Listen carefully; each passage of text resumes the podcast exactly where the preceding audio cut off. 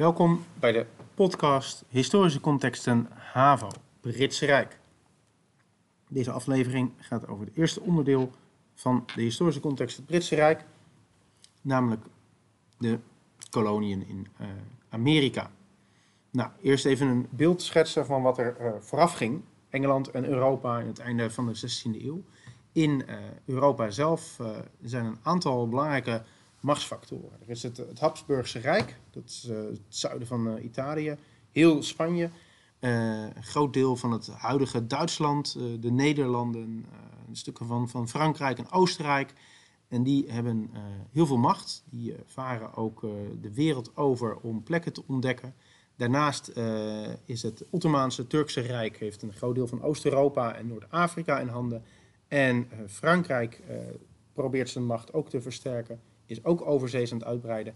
De Republiek Nederland heeft koloniën.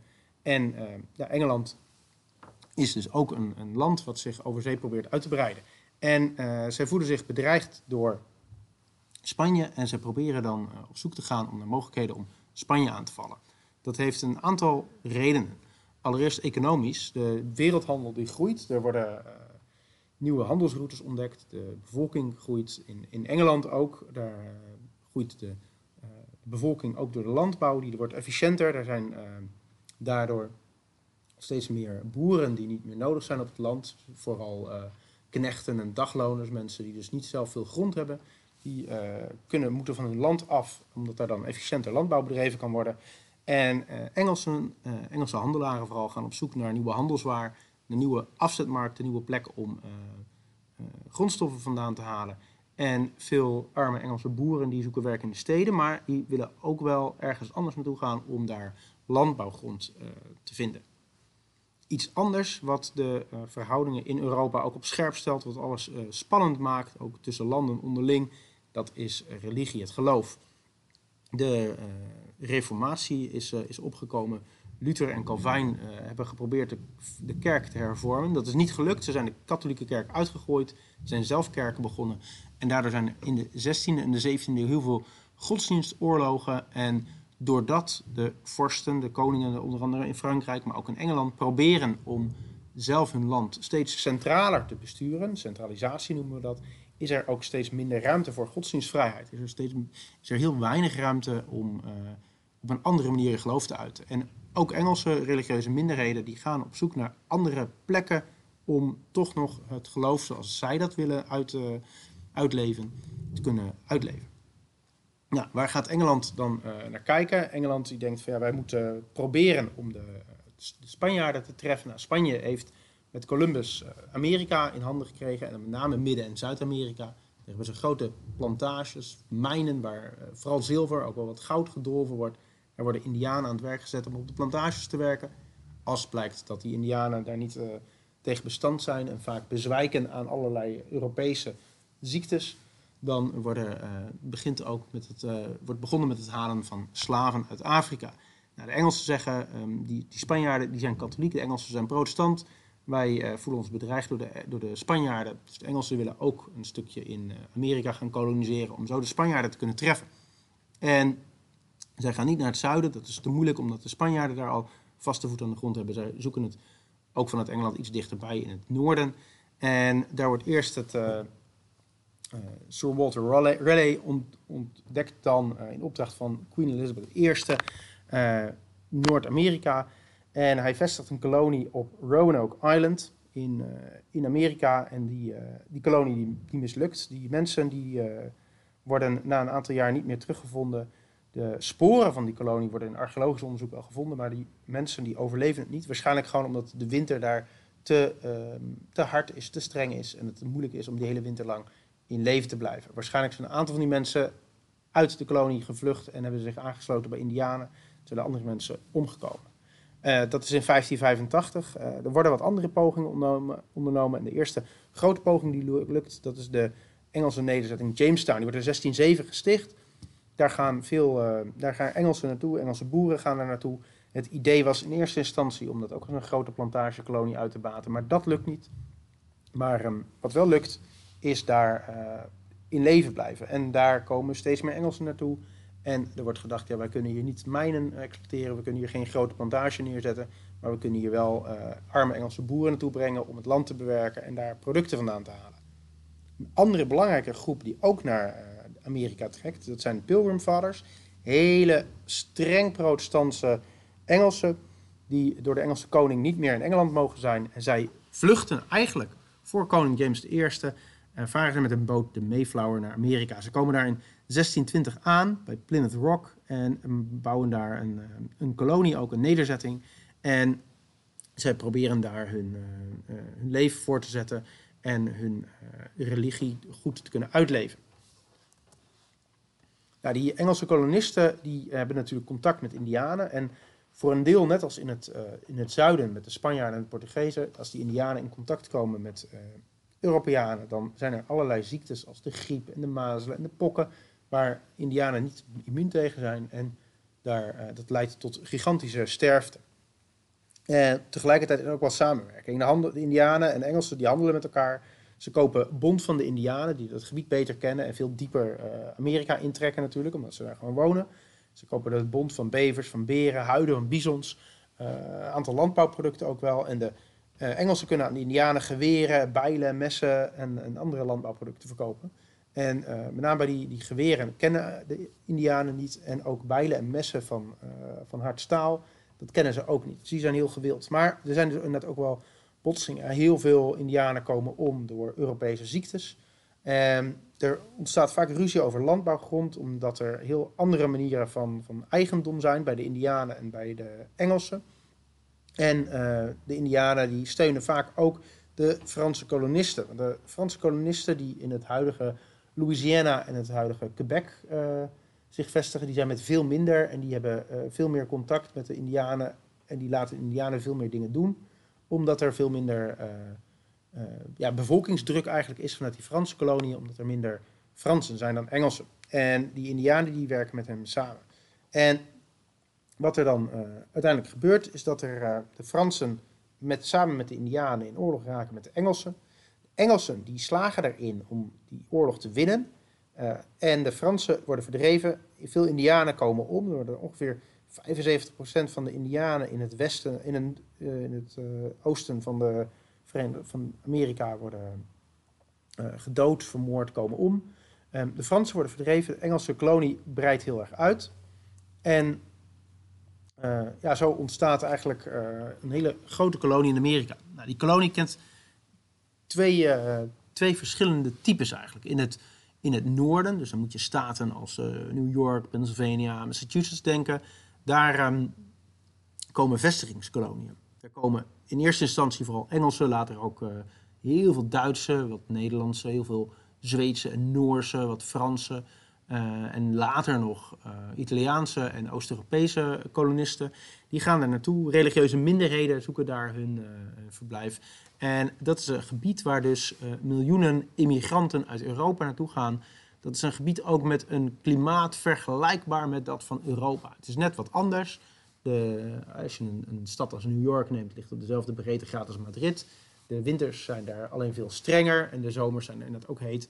Maar je kan daar min of meer op dezelfde manier boeren als je dat in uh, Europa deed. Dus daar gaan veel Europeanen naartoe. En uh, zuidelijker, in staten als Georgia, Noord- South Carolina en Virginia, daar um, worden koloniën gesticht en dat zijn plantagekoloniën. Er worden plantages aangelegd voor de grootschalige verbouw van tabak, van suiker, van katoen. En daar worden Europeanen eigenaar van. En de arbeid op die plantages, die wordt in eerste instantie nog wel eens geleverd door uh, Engelsen of Ieren die diep in de schulden zijn en op die manier hun schulden moeten afbetalen. Dat wordt ook wel een schuldslavernij genoemd. Maar al um, vrij vroeg in de 17e eeuw, dan uh, worden er uit, uit, Afrika mensen slaaf gemaakt en naar uh, Amerika gebracht, daar verkocht. En zij worden daar te werk gesteld. Ook in het Caribisch gebied heeft Engeland koloniën. Ehm, denk aan eilanden als Barbados en Jamaica. En daar wordt uiteindelijk vooral suiker verbouwd. En suikerplantages uh, zijn het is heel zwaar om daar te werken. En daar worden vooral uit Afrika jonge mannen gewerkt om daar te werken. En die worden uit angst voor hun uh, kracht en het, uh, de angst voor opstand worden zij ontzettend hard onderdrukt de hele tijd. Nou, ontstaat dus zo de, de driehoekshandel. Met een grote behoefte aan goedkope arbeidskrachten bij die Engelse kolonisten. En er worden uiteindelijk in totaal ongeveer 10 tot 12 miljoen mensen slaafgemaakt in Afrika en naar Amerika vervoerd. En het grootste deel van die slaven gaan naar Brazilië en naar Midden-Amerika. Nou, ik zei net al over suikerplantages die vragen, dat is heel hard werk, heel zwaar. Uh, mensen worden eigenlijk gedwongen zich uh, min of meer dood te werken en daardoor is een permanente aanvoer van mensen nodig. In het iets noordelijker, dus in het zuiden van wat later de Verenigde Staten wordt, die kolonies als Carolina en Georgia en um, Virginia, um, daar wordt katoen en tabak verbouwd. Dat is lichter werk, dat kunnen vrouwen doen, dat kunnen kinderen doen. Dus de mensen die daar naartoe gebracht worden als slaaf, die krijgen ook de, uh, de mogelijkheid om zich voort te planten. En daarmee houdt die uh, bevolkingsgroep zichzelf uh, meer, op stand, meer in stand. Wat natuurlijk ook weer allerlei vreedheid met zich meebrengt, omdat gezinnen uit elkaar gerukt worden. mensen als eigendom gezien blijven worden. maar er wordt ongeveer 5% van het transport van, van slaven komt in de Verenigde Staten terecht. Nou, Vanuit Engeland wordt die uh, slaafhandel verricht door de Royal African Company. Die krijgt van de Engelse overheid, van de regering, het monopolie op de handel in goud en slaven. Die vestigen zich in Ghana aan de West-Afrikaanse kust. Zij voeren de handel met stammen die aan de, aan de kust leven. Daar verkopen zij bijvoorbeeld geweren, eh, rum en andere producten aan. En met name met die geweren eh, zijn die stammen aan de kust, of die koninkrijken aan de kust, in staat om de binnenlanden van Afrika in te gaan daar oorlog te voeren, mensen gevangen te nemen en die gevangenen weer te verkopen aan de kust, aan de Engelsen. En op die manier uh, verdienen zij uh, geld. Nou, Engeland is niet de enige die dat wil. Ook bijvoorbeeld Nederland, de Republiek, doet met de West-Indische Compagnie um, aan slavenhandel ongeveer um, uh, 5% van de totale slavenhandel in de transatlantische slavenhandel wordt door de Republiek, door Nederland uitgevoerd. Engeland doet ongeveer een kwart, 25 procent. En um, vanaf 1698 zegt uh, Engeland van dat ook vrije ondernemingen zelf uh, in slaven mogen gaan handelen. En daardoor neemt die slavenhandel gigantisch toe. Mensen die gaan gewoon zelf geld bij elkaar leggen om een schip uit te rusten en om slaven te gaan handelen. Royal African Company wordt dan ook opgeheven in 1752 en die slavernij die um, groeit gigantisch. Tegelijkertijd in uh, wat later de Verenigde Staten wordt, in die Engelse kolonie in Noord-Amerika, daar ontstaat onvrede over um, het Engelse bewind. Het heeft heel veel te maken met de ideeën van de verlichting. En het, uh, de verlichting is het idee in de uh, met name 18e eeuw, begint in de 17e eeuw, dat je door je verstand en je kennis te gebruiken de samenleving kunt, kunt verbeteren. En uh, daar heb je bijvoorbeeld een belangrijke Franse denker als Montesquieu, die zegt van ja, je moet voorkomen dat één iemand alle macht heeft je moet de macht opdelen in drie dingen. Dat noemen we de trias politica. Dat moet een wetgevende macht zijn, een parlement, een uitvoerende macht, een regering en een rechterlijke macht. De rechters, en die moeten niet met elkaar te maken hebben. Tegelijkertijd is dat in uh, Engeland, maar ook in de Engelse koloniën wel zo. Daar is dat niet met elkaar gescheiden. Daar ontstaat ruzie over de belastingen. De Engelse regering die wil uh, belasting heffen. Die hebben ook oorlog gevoerd tegen de Indianen en de Fransen. Die hebben ze gewonnen. Oorlog is heel duur. En die zeggen, nou, we hebben ook voor die kolonisten oorlog gevoerd. Dus die kolonisten moeten belasting gaan betalen. Maar, zeggen die kolonisten, nee, wij zitten niet, er zit niemand namens ons in het parlement. Dus willen wij ook uh, niet belasting betalen. We betalen alleen belasting als wij ook vertegenwoordigd in het parlement. En daar hebben ze de leus voor: no taxation without representation. Belangrijk idee daarachter is, en dat komt van onder andere Rousseau, het idee van volkssoevereiniteit. De hoogste macht van het volk komt. Dus dat niet God zegt tegen de koning dat hij de macht heeft, maar dat het volk accepteert dat uh, de koning macht heeft. Maar dat betekent ook dat de koning goed voor het volk moet zorgen. En als de koning dat niet doet, dat het volk hem dan af, mag zetten. Nou, gevolg daarvan is dat radicale Engelse kolonisten onafhankelijkheid willen. Die willen los van Engeland, gaan zich bewapenen en gaan zich um, steeds meer afzetten tegen uh, koning George III, tegen het Engelse bewind.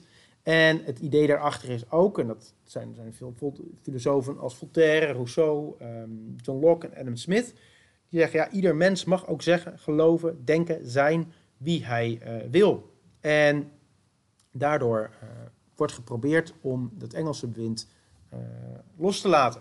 En dan ehm, krijg je de, de Boston Tea Party, op thee wordt belasting geheven, daar zijn de Engelsen het niet mee eens. En de, de Amerika-Engelse kolonisten zijn het daar niet mee eens. En die uh, gaan een schip binnen waar alle Engelse thee ligt. Die knikkeren ze overboord. En uh, dat kost hartstikke veel geld voor de Engelsen, omdat zij zich daartegen verzetten. Nou, als gevolg daarvan stuurt de Engelse regering het leger naar de koloniën. En onder andere in Boston, ook een aantal andere plaatsen, probeert het leger de orde te handhaven. Zij doen dat met een beetje geweld. Daardoor vallen doden.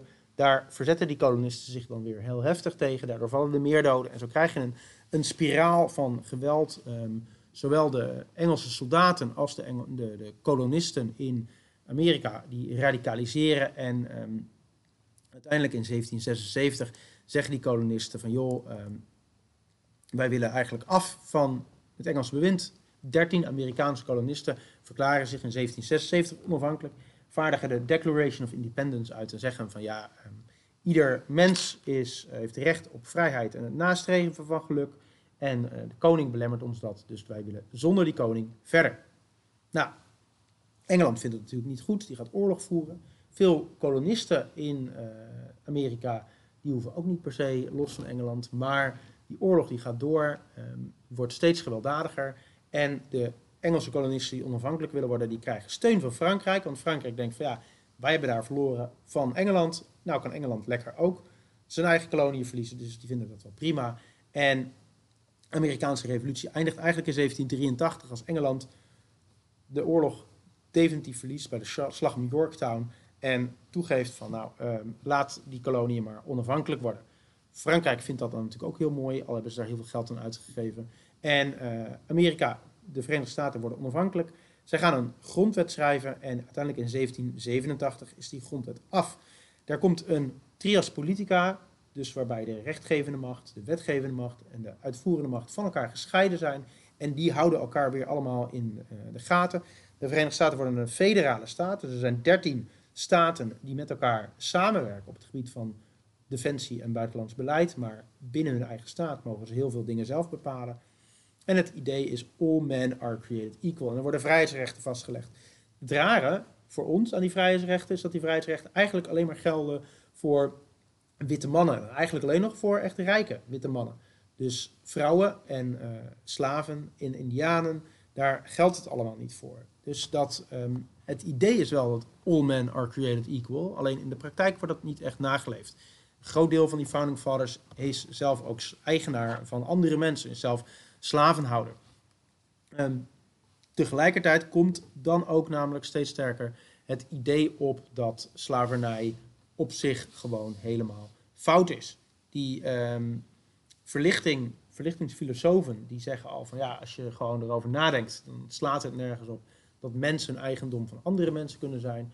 Alle mensen worden geboren uit een uh, moeder en alle mensen die sterven en dan kan je niks meenemen uh, naar het hiernamaals of wat er ook maar komen mag. Dus het, um, het slaat nergens op dat jij als mens mag, uh, het bezit mag hebben over een ander mens.